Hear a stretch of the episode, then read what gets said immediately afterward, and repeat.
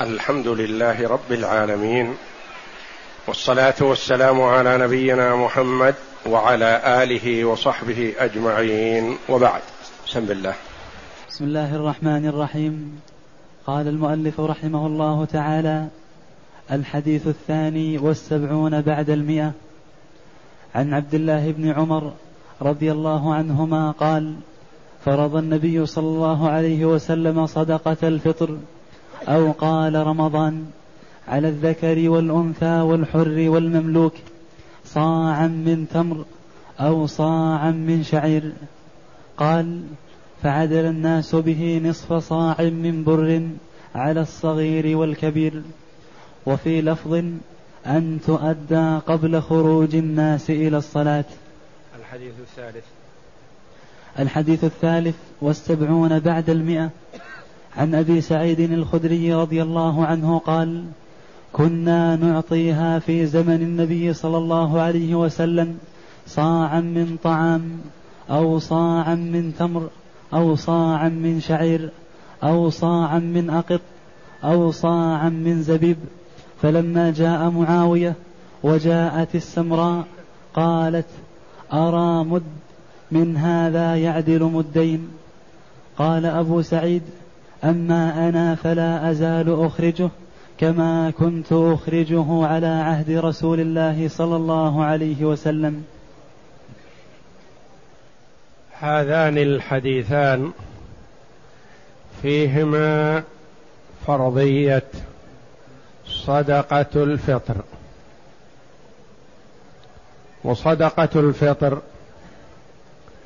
فرضها رسول الله صلى الله عليه وسلم على الذكر والأنثى والحر والعبد والصغير والكبير من المسلمين. والله جل وعلا فرضها على لسان رسوله صلى الله عليه وسلم طهرة للصائم عن اللغو والرفث. وطعمه للمساكين ومواساة لهم لإدخال السرور عليهم في هذا اليوم الذي هو يوم العيد.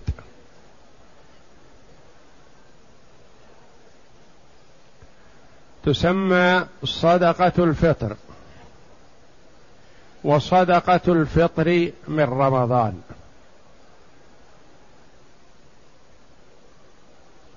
قيل في سبب تسميتها صدقة الفطر أنها من الفطرة أي الخلقة أي صدقة النفس. وقيل صدقة الفطر أي صدقة الإفطار من رمضان.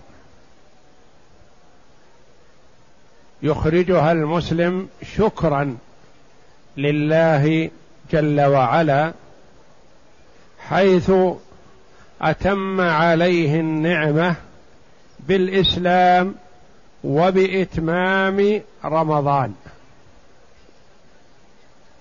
لأن بلوغ رمضان نعمة وإتمامه نعمة أخرى. فكم من شخص لا يبلغه وكم من شخص بلغه فما أتمه فإذا أتمه المسلم فتلك نعمة عظيمة من شكرها لله جل وعلا أن يواسي إخوانه الفقراء بهذه الفطرة. وفي قوله الفطر من رمضان. صدقة الفطر أو قال رمضان. دليل على أن وجوبها يكون بالفطر من رمضان. فقبل الإفطار من نهاية رمضان لا تجب.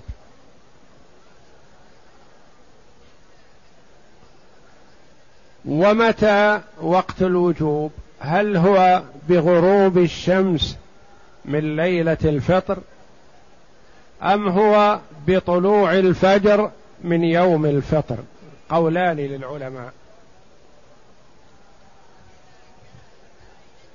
قال الأولون يتحقق أو يتم أو يقع الفطر من رمضان بغروب الشمس أنها انتهت أيام شهر رمضان وحصل الفطر. وقال الآخرون الفطر الحقيقي يتحقق بطلوع الفجر من يوم الفطر لأن غروب الشمس من ليلة الفطر ليس وقتا للصيام حتى يكون المرء أفطر فيه وإنما هو يفطر بغروب الشمس في رمضان وفي غير رمضان. وإنما الفطر يتم بطلوع الفجر من يوم العيد.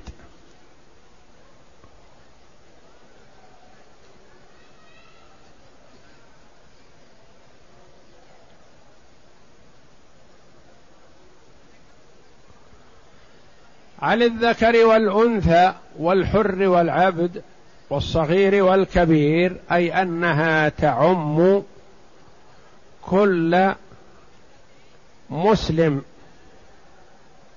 كبيرا كان أو صغيرا ذكرا كان أو أنثى حرا كان أو عبدا. واستحبها بعض الصحابة رضي الله عنهم عن الجنين. والحديث دل على عدم وجوبها عن الجنين. لكن استحبها بعض الصحابة رضي الله عنهم وبعضهم أخرجها عن الجنين وإن كانت لا تجب على وليه الملتزم بمؤونته. فتستحب عن الجنين وليست بواجبة. والجنين هو الحمل الذي تحقق في بطن أمه ويتم التحقق منه باحتراكه يعني ببلوغه مئة وعشرين يوما من الحمل به. اقرأ.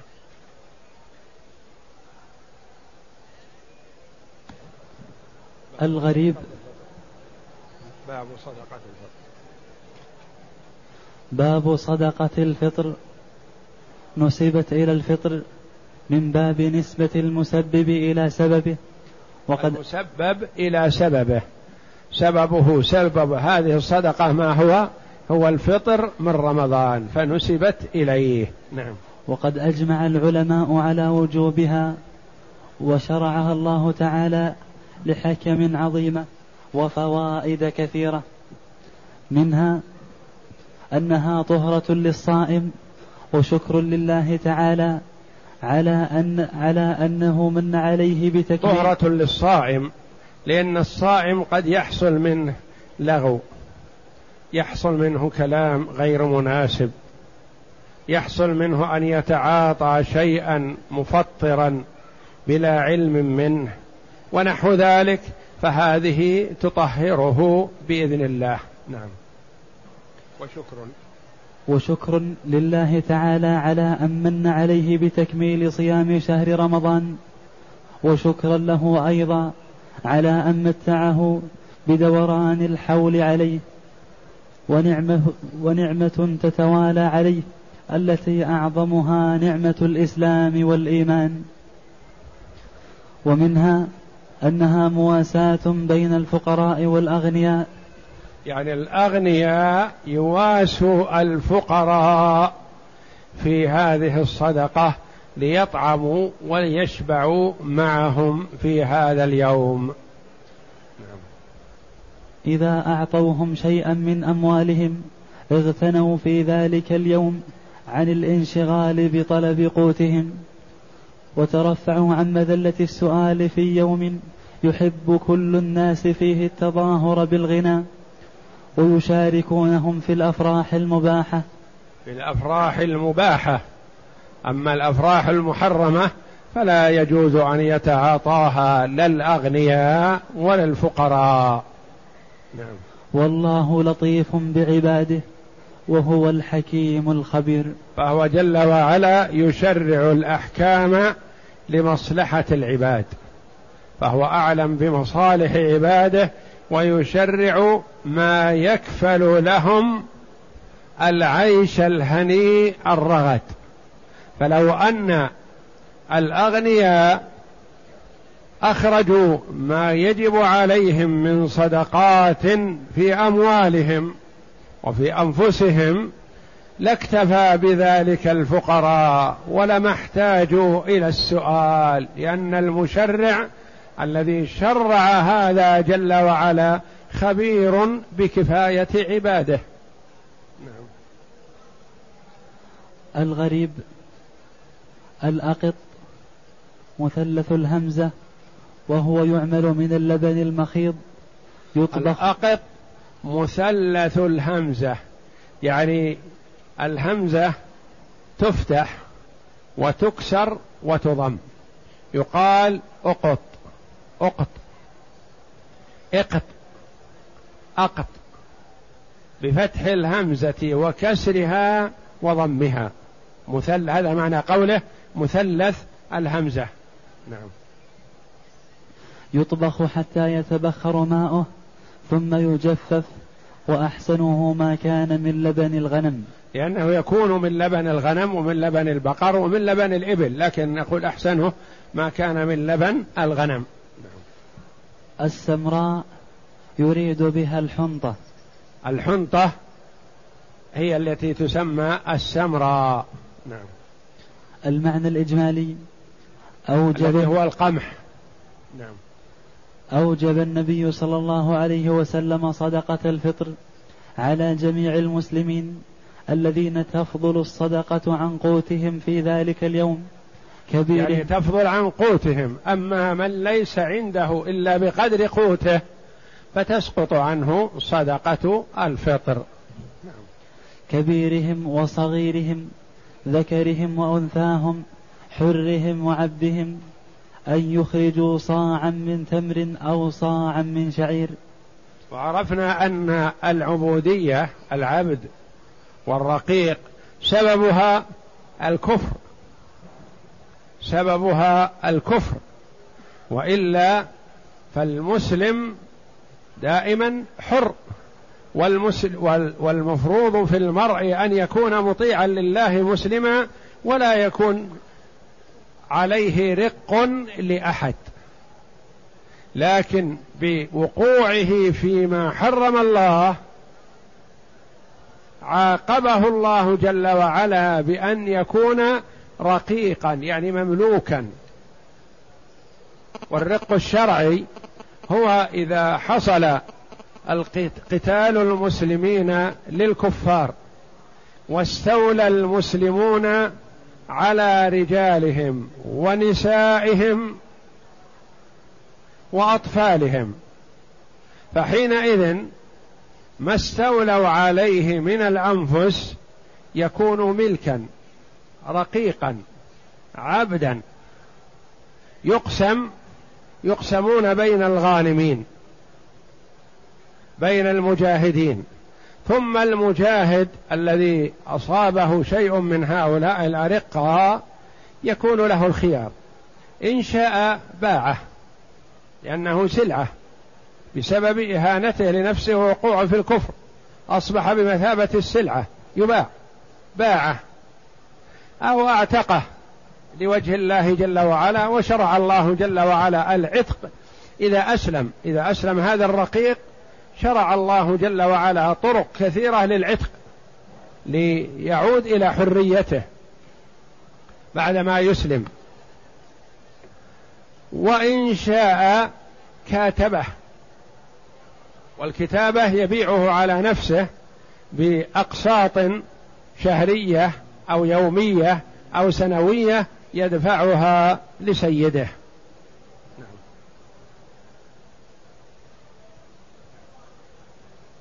نعم فلما وردت فلما وردت على المدينة الحنطة السمراء في زمن معاوية وقدم المدينة حاجا قال أرى أن مدا من الحنطة عن مدين من غيرها يغني يغني لجودتها ونفعها. فأما يعني كأن الحنطة التي هي السمراء التي هي القمح الخالص ما كان منتشر كثير في المدينة.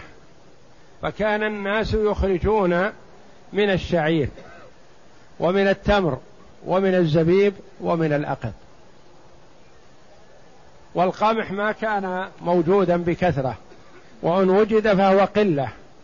لكن لما وسع الله على المسلمين ووردت إليهم الحنطة من الشام قدم معاوية رضي الله عنه من الشام وهو الخليفة إلى المدينة فتحدث أمام المسلمين في المدينة على المنبر وتعرض لهذه الفطرة. فقال أرى أن مدا من هذه السمراء يعادل مدين. فمعناه أن صدقة الفطر أربعة أمداد من الشعير. فيقول لو اكتفى المسلمون بمدين من الحنطة لعادلت أربعة أمداد من الشعير. وأقره الصحابة ومن حضر رضي الله عنهم. إلا من أراد منهم أن يلتزم بما فارق عليه النبي صلى الله عليه وسلم كأبي سعيد رضي الله عنه فإنه قال إني لا أزال أخرجها كما كنت أخرجها في عهد رسول الله صلى الله عليه وسلم. يعني ما قبلت ما اقترحه معاوية رضي الله عنه. فاستمر والصحابه رضي الله عنهم كانوا يتخيرون عند إخراج صدقة الفطر الأجود. آخذين بقوله جل وعلا لن تنالوا البر حتى تنفقوا مما تحبون فكان ابن عمر رضي الله عنه يخرجها من التمر لأنه هو أجود الأصناف وأحوج الفقير إليه. الفقير أحوج إلى التمر ثم إنه غذاء كامل. ثم إنه يؤكل ليلا ونهارا. ثم إنه يؤكل بدون تهيئة مهيأ للأكل دائما وأبدا. فكان يخرجه إلا في سنة من السنوات يقول نافع أعوز. يعني ما وجد التمر فأخرج شعيرا. وعرض عليه فيما بعد أن يخرج الحنطة فقال أحب أن أسير على ما كان عليه صحبي يعني الذين مضوا. أستمر على أن أخرج التمر. نعم. فأما أبو سعيد الخدري رضي الله عنه فهو يقول كنا نعطيها في زمن النبي صلى الله عليه وسلم صاعا من طعام والطعام عندهم هو الحنطة وكذلك صاعا اصطلاحا أن الطعام يطلق على الحنطة على السمراء وإن كانت قليلة. لكنها ربما أنها تختلف عن هذه السمراء التي جاءت من الشام. يعني كأن التي جاءت من الشام جديدة أحسن وأطيب. فلذا معاوية رضي الله عنه اقترح بأن يخرج منها وأن يكتفى بالنصف بنصف الصاع. نعم. وكذلك صاعا من أقط وصاعا من زبيب. وفي هذا التشريح حكمة في أن النبي صلى الله عليه وسلم ما كلف شخصا بما ليس عنده. الفلاحون عندهم مثلا التمر والشعير والزبيب ويخرجون منه وأهل المدن والقرى كذلك. لكن البادية قد يمضي الوقت الطويل ما عنده ما عنده من هذه الأشياء وإن وجدها فهي نادرة وغالية عليه يشتريها بالدراهم والدنانير. فشرع لهم صلى الله عليه وسلم ما هو في ميسورهم ومن إنتاجهم وهو الأقط. لأن أكثر ما عندهم في البادية اللبن فاللبن يجففونه بطريقة يسلكونها فيكون أقطا فيكون مقتات يأكلونه ويدخرونه ولا يتأثر بالادخار. نعم. أو صاعا من زبيب فلا أزال أخرج الصاع من الحنطة وغيرها كما كنت أخرجه في عهد النبي صلى الله عليه وسلم إيثارا للاتباع. وهكذا ينبغي للمسلم أن يسلك مسلك الصحابة رضي الله عنهم في اتباعهم النبي صلى الله عليه وسلم. يحرص على الاتباع حتى وإن كان هذا الاتباع في شيء يسير. فالله جل وعلا يأجره على ما في نيته من محبة اتباع النبي صلى الله عليه وسلم والأخذ بسنته. ولا يليق بالمسلم أن يقول هذا شيء يسير أو هذا بسيط. أو هذا لا يضير والناس وقعوا في المحرمات ووقعوا في كذا ووقعوا في كذا فترك هذه السنة بسيط. لا يا أخي نقول ليس ببسيط. كل ما حرص المسلم على اتباع السنة فالله جل وعلا يأجره وإن كان شيئا يسيرا. وإن كان عند دخول المسجد مثلا يتذكر فيقدم رجله اليمنى. عند الخروج من المسجد يتذكر فيقدم رجله اليسرى. عند دخول مكان قضاء الحاجة يقدم رجله اليسرى ويقول أعوذ بالله من الخبث والخبائث. عند الخروج من مكان قضاء الحاجة يقدم رجله اليمنى ويقول الحمد لله الذي أذهب عني الأذى وعافاني. وهكذا إذا دخل بيته سمى الله جل وعلا. إذا خرج من بيته قدم رجله اليسرى وذكر الله جل وعلا قائلا بسم الله توكلت على الله ولا حول ولا قوة إلا بالله. في هذه الحال يتنحى عنه الشيطان. فإذا اعترضه شيطان آخر قال ما لك وما له؟ هذا رجل قد كفي. ابتعد عنه يعني لا فائدة فيه. هذا لن تدرك منه شيء. فيتحصن المسلم بالإكثار من ذكر الله جل وعلا دائما وأبدا وخاصة عند وجود سبب ذلك الدخول والخروج والركوب ودخول المسجد ودخول والخروج من المسجد دخول المنزل والخروج من المنزل وهكذا. كلما قدم المسلم السنة وأخذ بها أجره الله جل وعلا على ذلك ووفقه وحفظه من الشيطان. وليحصل بالصدقة الإغناء المطلوب. أمر أن تؤدى إلى الفقير قبل خروج الناس إلى الصلاة. يعني هذا الوقت المناسب. أنسب وقت لإخراجها هو بعد صلاة الفجر وقبل الخروج لصلاة العيد. حتى أنها تكون صالحة لهذا اليوم للاستفادة منها. وخاصة إذا كانت من الأشياء المهيئة أو السهل تهيئتها مثلا. كالتمر مثلا مهيأ أو كالأرز مثلا أنه قابل لأن يطبخ في الحال ويستفاد منه. بخلاف ما إذا كان يحتاج إلى تهيئة طويلة فلذا استحب العلماء رحمهم الله أو كثير منهم أن يدفع للفقير قبل العيد بيوم أو يومين حتى يهيئه لأن الشعير يحتاج إلى تهيئة إلى تنقية وإلى طحن وإلى آه، طبخ وما إلى ذلك مما يحتاج إليه فيقدم له في الوقت الكافي لتهيئته. ما يؤخذ من الحديث؟ اولا وجوب زكاة الفطر وهو إجماع المسلمين لقوله فرض. لقوله فرض لأن الفرض هو الواجب. نعم. ثانيا أن تخرج عن كل مسلم صغير أو كبير ذكر أو أنثى حر أو عبد. وليست خاصة بالصائمين فلا تجب على الصغار وإنما على الجميع وتخرج في هذا الوقت حتى وإن كان المسلم لم يستكمل شهر رمضان بأن كان عليه قضاء كالمرأة التي عليها قضاء من رمضان أو الرجل إذا كان مريضا وعليه من رمضان أو كان مسافرا وعليه من رمضان فيخرجها في هذا الوقت. نعم. ثالثا أنها لا تجب على الجنين واستحب كثير من العلماء إخراجها عنه. وقد ورد عن الصحابة رضي الله عنهم إخراجها عن الجنين منهم عثمان بن عفان رضي الله عنه.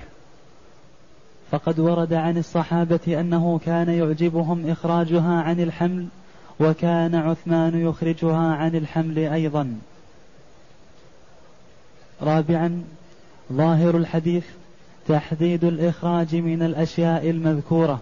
من الأشياء المذكورة هذه البر والشعير والتمر والزبيب والأقط هذه الخمسة. نعم. والمشهور من مذهب الإمام أحمد أنه لا يجزئ غير هذه الأشياء مع وجود شيء منها. هذا المشهور في مذهب الإمام أحمد. الرواية الثانية أنه يجوز أي قوت من قوت البلد. نعم. واختار شيخ الإسلام ابن تيمية جواز إخراجها في وقت في جواز إخراجها من قوت بلده ولو قدر على الأصناف المذكورة. وربما يكون قوت البلد الموجود أي أغلى وأحب إلى الفقير من هذه الأصناف الخمسة مثلا كالأرز مثلا لأنه هو المقتات غالبا في كثير من البلدان فهو مفضل لدى الجميع فلذا إخراجه لعله أولى. وهو رواية عن الإمام أحمد وقول أكثر العلماء. وأفضل هذه الأصناف وغيرها من أنواع الأطعمة أنفعها للمتصدق عليه. أنفعها للفقير هو الأنفع هو الأفضل. يسأل سائل مثلا يقول أي هذه الأصناف أفضل؟ نقول انظر للفقير أيها أحب إليه فهو الأفضل. نعم. لأنه الذي يحصل به الإغناء المطلوب في ذلك اليوم. خامسا ظاهر حديث أبي سعيد أن الواجب صاع. سواء سواء أكان من الحنطة أم من غيرها. وهو مذهب مالك والشافعي وأحمد والجمهور. وذكر سواء كان منها من الحنطة أو من غيرها يكون صاعا وهذا هو الأفضل. والحنطة معروفة هي القمح. نعم. وذهب أبو حنيفة إلى أنه يجزئ من الحنطة نصف صاع. وابن القيم يميل في الهدى. الهدي في الهدي الهدي النبوي. نعم. إلى تقوية أدلته واختار هذا القول شيخ الإسلام ابن تيمية وقال هو قياس قول أحمد في الكفارات. هو قياس وليس ولم ينسبه عن الإمام أحمد وإنما قياس قوله في الكفارات أنه نص أن نصف الصاع من البر يعادل الصاع من غيره. قلت والأحوط المذهب الأول. وهو إخراج الصاع كاملا سواء كان من البر أو من غيره. نعم. سادسا والأفضل إخراجها فجر يوم العيد قبل الصلاة وهو قول فقهاء المذاهب الأربعة. فإن إخراجها بعد الصلاة. فإن أخرجها فيها الألف هذه زائدة. فإن أخرجها بعد الصلاة فعند الحنابلة يكره يوم العيد ويحرم بعده عند الحنابلة وعند غيرهم يعني توضيح الوقت. أفضل وقت لإخراجها عند جمهور العلماء هو ما بين صلاة العيد صلاة الفجر إلى صلاة إلى الخروج لصلاة العيد.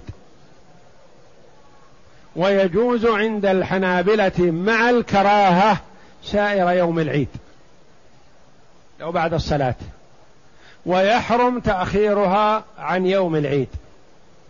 ويجوز تقديمها عن يوم العيد بيوم أو يومين بحيث يمكن جمعها وتوزيعها على المستحقين. لأن النبي صلى الله عليه وسلم وكل أبا هريرة بحفظ صدقة رمضان. وحفظها يتطلب وقت من أجل توزيعها بعد ذلك لا أنها تستلم من الغني وتعطى الفقير. فالنبي صلى الله عليه وسلم كان يكل حفظ صدقة رمضان لأبي هريرة رضي الله عنه ثم توزع بعد ذلك. وهكذا كان الخلفاء بعده يوكلون شخصا في أن يتقبل ويستقبل صدقة الفطر. فإذا تجمعت وزعوها على المستحقين. نعم. وعند ابن حزم تحريم تأخيرها عن الصلاة لما روى البخاري وأمر بها أن تؤدى قبل خروج الناس إلى الصلاة. عند ابن حزم الظاهري رحمه الله يقول يحرم تأخيرها عن صلاة العيد لأن النبي صلى الله عليه وسلم أمر أن تؤدى قبل صلاة العيد. فكيف نقول يجوز أن تؤدى والنبي أمر بتأديتها قبل الصلاة؟ والدليل معه. رحمه الله نعم. ولما روى أبو داود وابن ماجه فمن أداها قبل الصلاة فهي زكاة مقبولة. يعني صدقة فطر مقبولة موافقة السنة. نعم. ومن أداها بعد الصلاة فهي صدقة من الصدقات. يعني كأي صدقة من الصدقات. وصدقة الفطر لها وقت محدد. نعم. وألحق أن أبا محمد وألحق والحق أن أبا محمد أبا محمد قصد بن حزم رحمه الله. نعم. أسعدهم بإصابة الدليل والقول به. سابعا وهل جواز تقديمها لحول أو حولين قياسا على زكاة المال؟ يقول أبو حنيفة رحمه الله يصلح أن تخرج صدقة الفطر عن هذه السنة والسنة التي تليها. والتي بعدها كذلك. حول أو حولين. يعني أخرج صدقة الفطر لحولين متقدم. ما ما وصل مع صدقة هذه السنة مثلا. يعني أن تخرج ثلاثة أصواع عن ثلاث سنوات قادمة. عن هذه السنة وعن سنتين قادمة. هذا قول أبي حنيفة رحمه الله قياسا على الزكاة. والزكاة تقدم لنا أنه يجوز تقديمها لأن النبي صلى الله عليه وسلم قال عن العباس رضي الله عنه هي علي ومثلها. يعني قدم زكاة حولين. نعم. وذهب الشافعي إلى جواز تقديمها من أول رمضان. الشافعي رحمه الله يقول لك أن تقدمها من أول رمضان. إذا دخل رمضان وقدمت صدقة الفطر صحت. نعم. وذهب مالك إلى أنه لا يجوز تعجيلها مطلقا كالصلاة قبل وقتها. مالك رحمه الله يقول لا تخرجها إلا ليلة العيد بعد صلاة الفجر وقبل صلاة العيد لأنه يقول إن هذه مثل الصلاة لها وقت محدد. لو صليت الظهر ضحى تصح لا. لو صليت المغرب قبل غروب الشمس تصح؟ لا. فكذلك صدقة الفطر لها وقت محدد لا يجوز أن تخرجها قبله. نعم.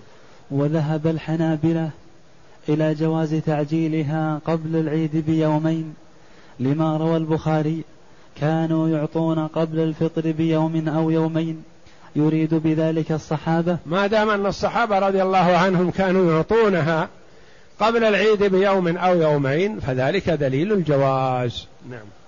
ولأنه لا يحصل الإغناء في ذلك اليوم إلا إذا قدمت للفقير بنحو يوم أو يومين. ليستفيد منها ويهيئها. نعم. ليعدها ليوم العيد. ولأنه إذا أخرها إلى قبيل الصلاة قبيل. قبيل الصلاة يخشى ألا يجد صاحبها الذي يستحقها. فيفوت وقتها المطلوب. قد يخرجها قبل صلاة العيد مثلا يذهب إلى الفقير يريد أن يعطيها إياه فيجد الفقير قد سبقه إلى المسجد وأغلق بابه. فماذا يعمل بها؟ فيحسن أن يقدمها قبل ذلك حتى يضمن أنها وصلت إلى مستحقها لأن الوقت ضيق. وما دام أن الصحابة رضي الله عنهم يقدمونها قبل العيد بيوم أو يومين ثم إن ما يقدم قد يحتاج إلى مؤونة ويحتاج إلى عمل. فإذا أعطيته صاع شعير مثلا قبيل صلاة العيد مثلا لن يستفيد منه يوم العيد. إنه يحتاج إلى أشياء وإجراءات قد لا يجد من يساعده عليها في يوم العيد. وإنما يحسن أن تعطى قبل يهيئها. نعم. ولهذه الاعتبارات الصحيحة فإن شيخنا العلامة عبد الرحمن بن ناصر السعدي رحمه الله تعالى يرى, استج يرى استحباب تقديمها بيوم أو يومين. يعني الشيخ عبد الرحمن بن سعدي رحمه الله لا يقول يجوز المذهب على أنه يجوز تقديمها قبل العيد بيوم أو يومين. الشيخ عبد الرحمن رحمه الله يقول يستحب يستحب تقديمها للتعليل والدليل. التعليل هو تهيئتها لأجل أن يتمكن الفقير من تهيئتها. والدليل فعل الصحابة رضي الله عنهم كانوا يقدمونها قبل العيد بيوم أو يومين. فلذا من اختيارات الشيخ عبد الرحمن بن سعدي رحمه الله استحباب تقديم صدقة الفطر قبل العيد بيوم أو يومين. والله أعلم. وصلى الله وسلم وبارك على عبد ورسول نبينا محمد وعلى آله وصحبه أجمعين. ومن المعلوم أن الدراهم لا تجزي إلا على قول لبعض العلماء رحمهم الله. والذين قالوا لا تجزئ الدراهم هو الأصوب والله أعلم. لأن النبي صلى الله عليه وسلم ما ذكر مع الأصناف هذه ربع دينار ولا نصف دينار ولا خمسة دراهم ولا ثلاثة دراهم مع إمكان ذلك وإنما حدد طعاما ليغتني به الفقير لأن الفقير قد يأخذ الدراهم يوم العيد ولا يستفيد منها يوم العيد لأنه قد لا يجد من يبيع عليه. قد يجد من يبيع عليه لكن لا يجد من يهيئ هذا الطعام الذي يحتاج إلى تهيئة. فلذا حددها الرسول صلى الله عليه وسلم بالأطعمة ولهذا قال كثير من العلماء بل الجمهور على أنه لا يجزئ إخراج الدراهم.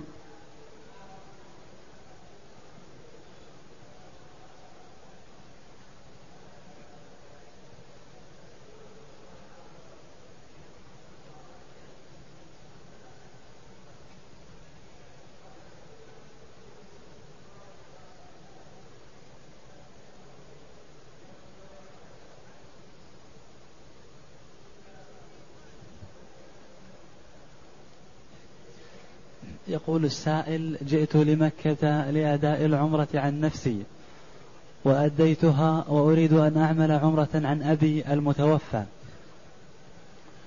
ما دمت أخي قدمت مكة بعمرة وأديتها والحمد لله فلا تخرج للإتيان بعمرة أخرى بل أكثر من الطواف بالبيت.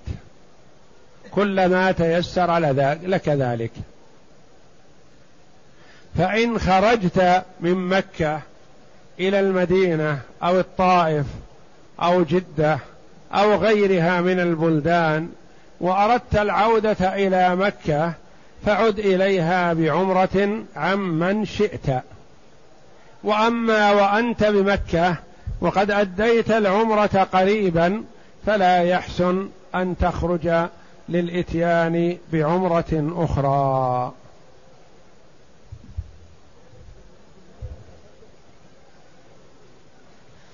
يقول السائل كيف يتوضأ من به سلس البول؟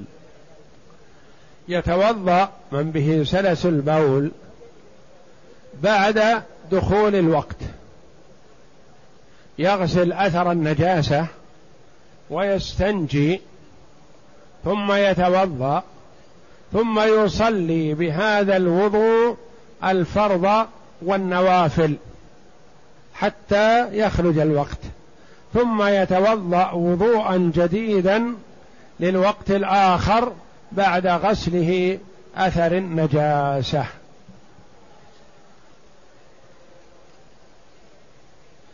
يقول السائل صليت وكان في ثوبي نجاسة.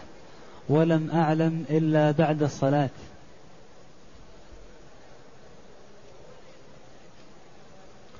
إذا صلى المرء في ثوب به نجاسة ولم يعلم عن النجاسة أو نسيها ولم يتذكرها إلا بعد الصلاة فصلاته صحيحة. بخلاف ما إذا نسي الوضوء. ثم تذكر بعد الصلاة أنه صلى بلا وضوء فعليه أن يعيد الصلاة بعدما يتوضأ. فرق بين من نسي النجاسة وصلى صلاته صحيحة. نسي الوضوء وصلى عليه أن يعيد الصلاة.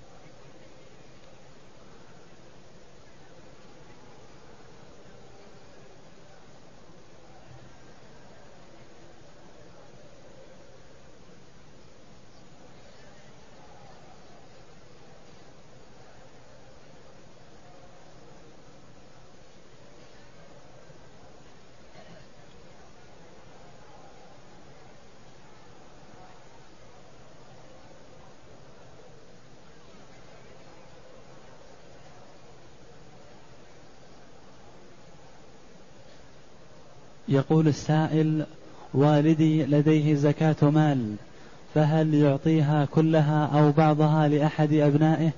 حيث أن هذا الابن عليه ديون كثيرة والمقصود أن يسدد بعض ديونه من زكاة والده. لا يجوز للمسلم أن يدفع صدقة ماله لأحد من أولاده. كما لا يجوز أن يدفعها لأحد من والديه. فصدقه الزكاة تخرج لغير هؤلاء ولا لمن يرثه المرء لأن الأولاد والوالدين ومن يرثه الإنسان تجب نفقتهم إذا قصرت بهم النفقة من المال. فإذا دفع لهم زكاة ماله كأنه وقى ماله بهذه الزكاة التي يدفعها لابنه أو لأبيه أو لمن يرثه.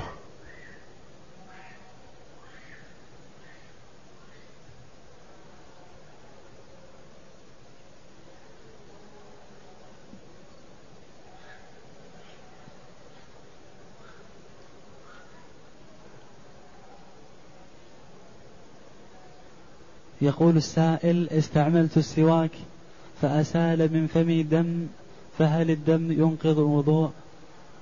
الدم اليسير من الأسنان والفم لا يبطل الوضوء فإذا تسوك المرء مثلا وخرج السواك فيه أثر الدم أو صار في ريقه أثر الدم فإنه لا يؤثر على وضوءه لأن هذا شيء يسير.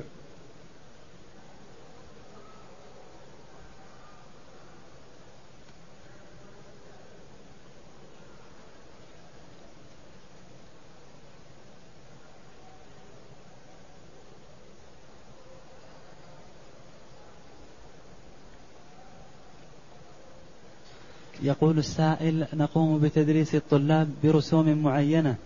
ونجمع هذه الرسوم في صندوق وتبقى في ذلك الصندوق طوال العام. لكن نحتاج أحيانا لمال فنأخذ من هذا الصندوق فكيف نزكي؟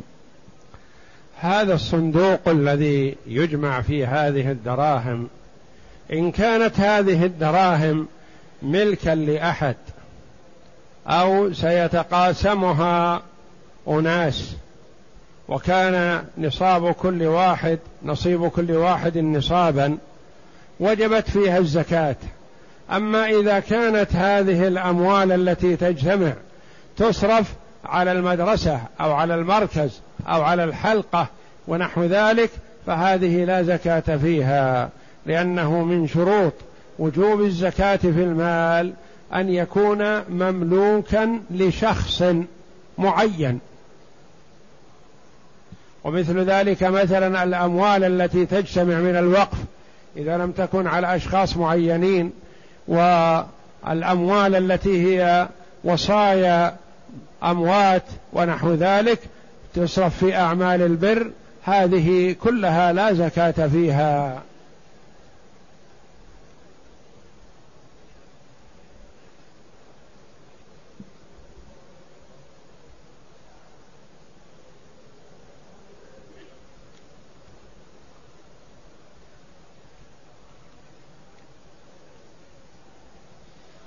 يقول السائل استيقظت من النوم وقد أقيمت الصلاة صلاة الفجر فتوضأت وأدركت ركعة من صلاة الفجر بالمسجد وبعد أن أن أتممت الصلاة صليت ركعتي الفجر ثم انتظرت حتى بعد طلوع الشمس وارتفاعها قدر رمح فصليت الشفع والوتر فما حكم عملي هذا؟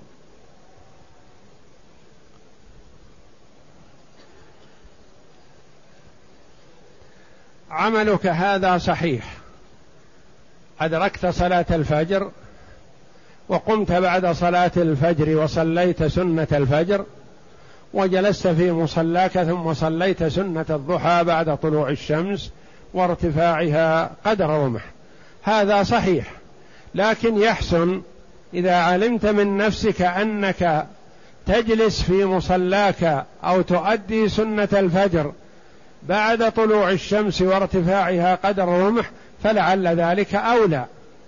وأما إذا خشيت أن تنشغل عنها أو تنساها مثلا فصلها بعد الفجر.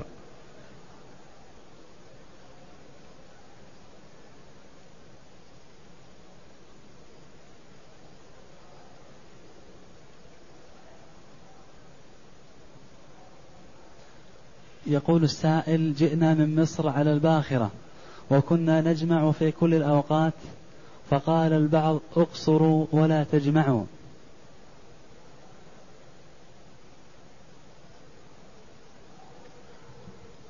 السفر في الباخرة يبيح للإنسان الجمع والقصر. له أن يجمع وله أن يقصر لأن المسافر أرفق به إذا جمع الصلاتين في وقت واحد. فإن قصر ولم يجمع فلا بأس. لكن إذا جمع فلا حرج عليه.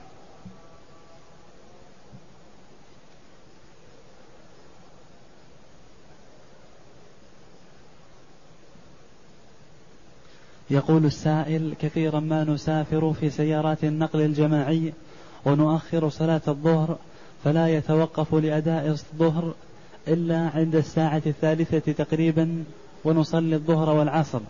فهل يجوز أن نصلي بين الوقتين؟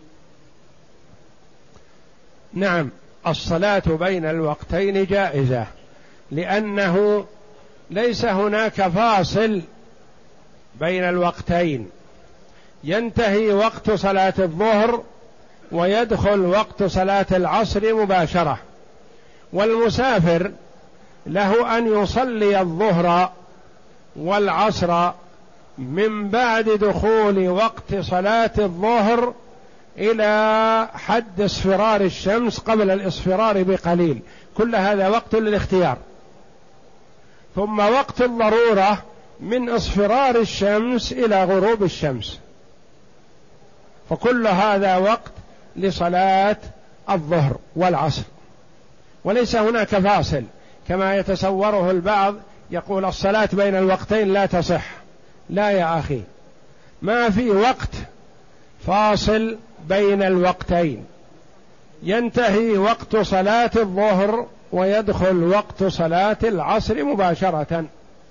فالآن مثلا حينما يؤذن لصلاة العصر الآن انتهى وقت صلاة الظهر. وابتدأ وقت صلاة العصر. فمن الساعة 12 وثلث في مثل هذه الأيام إلى قرابة خمس ونص أو ست كل هذا وقت لصلاة الظهر والعصر الحمد لله. ثم وقت الضرورة من اصفرار الشمس بعد العصر إلى غروب الشمس هذا وقت ضرورة. يجوز للإنسان يأخر إليه إذا كان مشتغلا بتحصيل شرطها. إذا كان يجزم بأنه يحصل الماء قريبا مثلا أو إذا كان ما عنده ثوب يلبسه في الصلاة فيتوقع وجود ثوب قبل غروب الشمس بقليل أو مشتغل بخياطة ثوب له أو غسل ثوب له ليصلي فيه أو نحو ذلك. يعني يجوز التأخير لوقت الضرورة إذا كان مشتغلا بتحصيل شرط من شروط صحة الصلاة.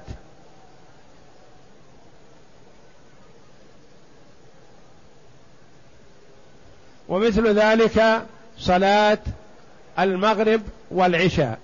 من بعد غروب الشمس إلى نصف الليل كل هذا وقت اختيار للصلاتين المغرب والعشاء.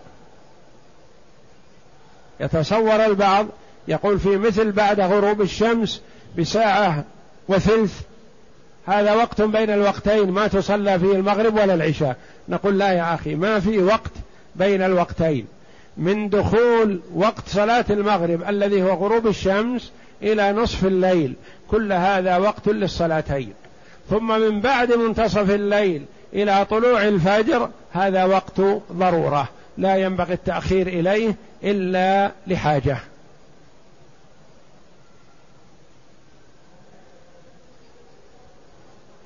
يقول السائل ما حكم طواف الوداع للعمرة؟ محل خلاف بين العلماء رحمهم الله. بعض العلماء يرى وجوب طواف الوداع للعمرة كما هو واجب في الحج. إلا أنه لا يلزم بتركه في العمرة فدية.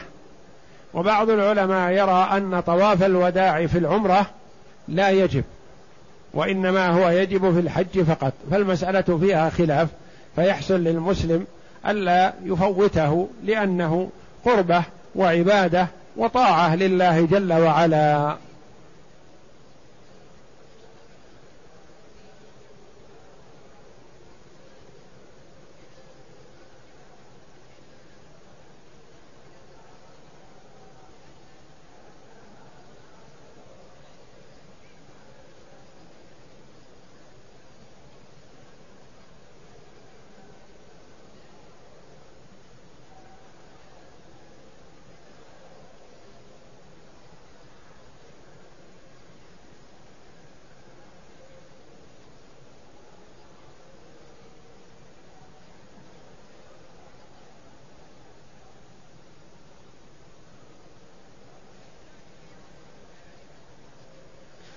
يقول السائل اشتريت مزرعة وخل خل خلفي أربع بنات.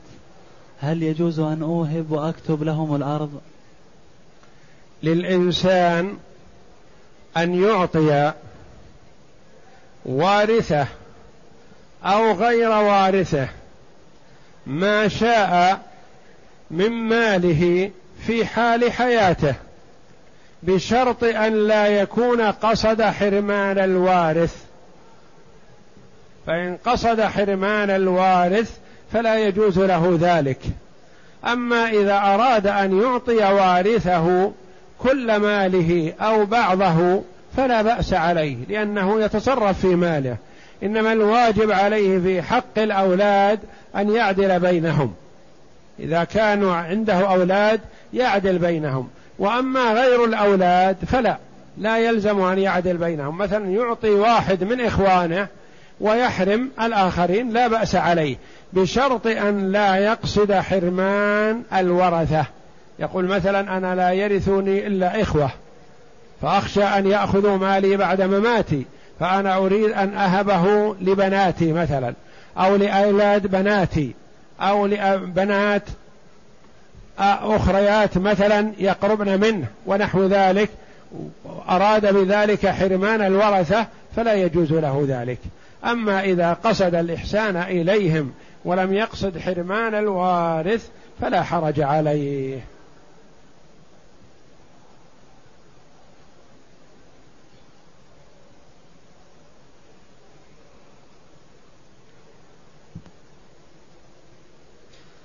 يقول السائل في بلادنا نخرج زكاة الفطر نقودا وهذا في غالب البلاد كلها فما هو الحكم؟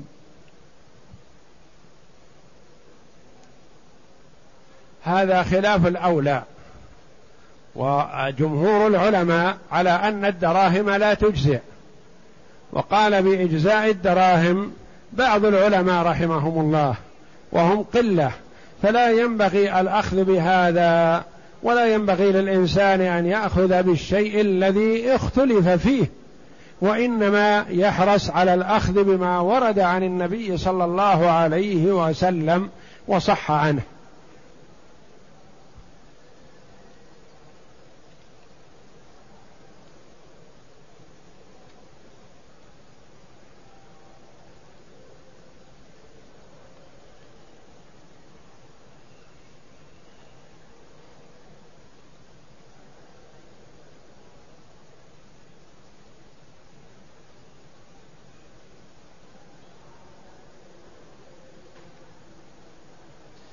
يقول السائل هل يقاس بالأقط الحليب البودر الذي يكال بالكيلو؟ الظاهر والله أعلم أنه لا يؤدي الغرض هذا لأنه عرضة للفساد وربما لا يكفي في الإطعام بخلاف الأقط. فالأقط يكفي ويشبع يغذي بخلاف الحليب وحده فلا يكفي. ثم إن الحليب البودرة هذا عرضة للفساد بسرعة.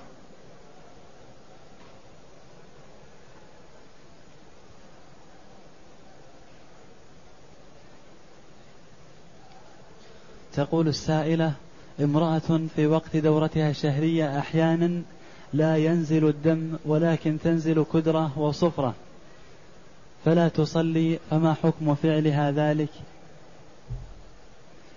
إذا كانت الصفرة والقدرة هذه التي تنزل معها في وقت الدورة وتنقطع في انتهاء الدورة فلا حرج عليها هذا الواجب عليها ترك الصلاة لأن هذا هو حيضها لأن الصفرة والكدرة في زمن الحيض تعتبر حيضا وبعد الطهر لا تعتبر حيضا لقول أم عطية رضي الله عنها كنا لا نعد السفرة والكدرة بعد الطهر شيئا.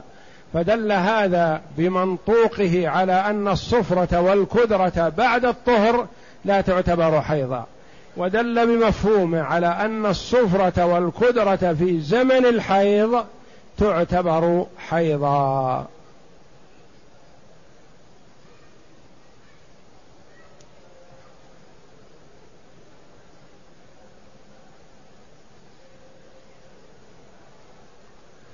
يقول إنه صلى المغرب مع الجماعة ثم دخل جماعة آخرون وصلوا المغرب فانتظرهم حتى فوتوا ركعة ثم صلى ركعتين معهم بنية صلاة العشاء.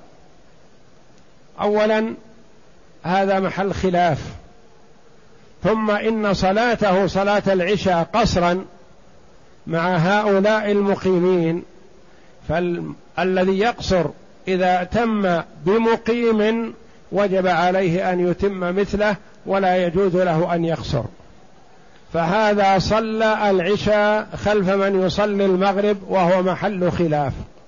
ثم إنه قصر وهو مسافر وقد صلى خلف مقيم ولا يسوغ له أن يقصر في هذه الحالة ما دام صلى خلف مقيم. وإنما لو دخل معهم في صلاتهم المغرب وأتم ثلاث ركعات وأتى بالركعة الرابعة بعدما يسلم الإمام فلا بأس عليه في هذا لأنه أتم الصلاة. أتى بصلاة العشاء أربع ركعات. والله أعلم وصلى الله وسلم وبارك على عبده ورسول نبينا محمد وعلى آله وصحبه أجمعين.